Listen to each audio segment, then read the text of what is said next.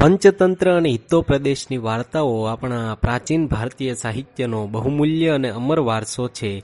તો આ પ્રાચીન વાર્તા સાહિત્યના અણમોલ ખજાનામાંથી મેં એક ચૂંટેલી વાર્તા કે સ્વભાવનો પ્રભાવ હું આજે સંભળાવવા જઈ રહ્યો છું.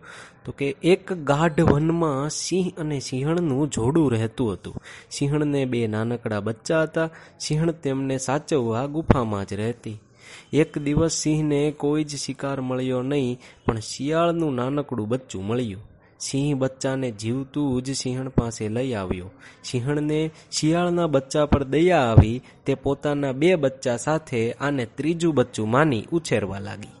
એક દિવસ ત્રણેય બચ્ચાએ એક હાથીને આવતો જોયો. હાથીને જોતા જ સિંહના બે બચ્ચા ગર્જના કરતા સામે થયા. પણ શિયાળનું બચ્ચું ડરીને ગુફા તરફ ભાગ્યું.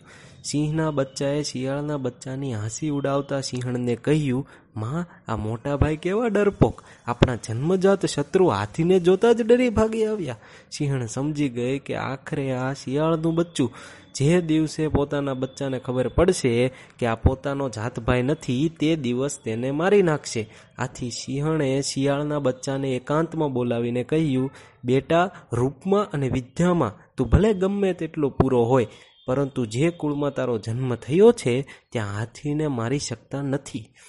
તું એક શિયાળનું બચ્ચું છે. મારા પુત્રો આ વાત જાણે એ પહેલાં જ તું અહીંથી ચૂપચાપ ભાગી જા, નહીં તો આ બંનેના હાથે તું માર્યો જઈશ સિંહણના આવા શબ્દો સાંભળતા જ શિયાળનું બચ્ચું ડરીને ભાગ્યું અને શિયાળની વસ્તીમાં ભળી ગયું.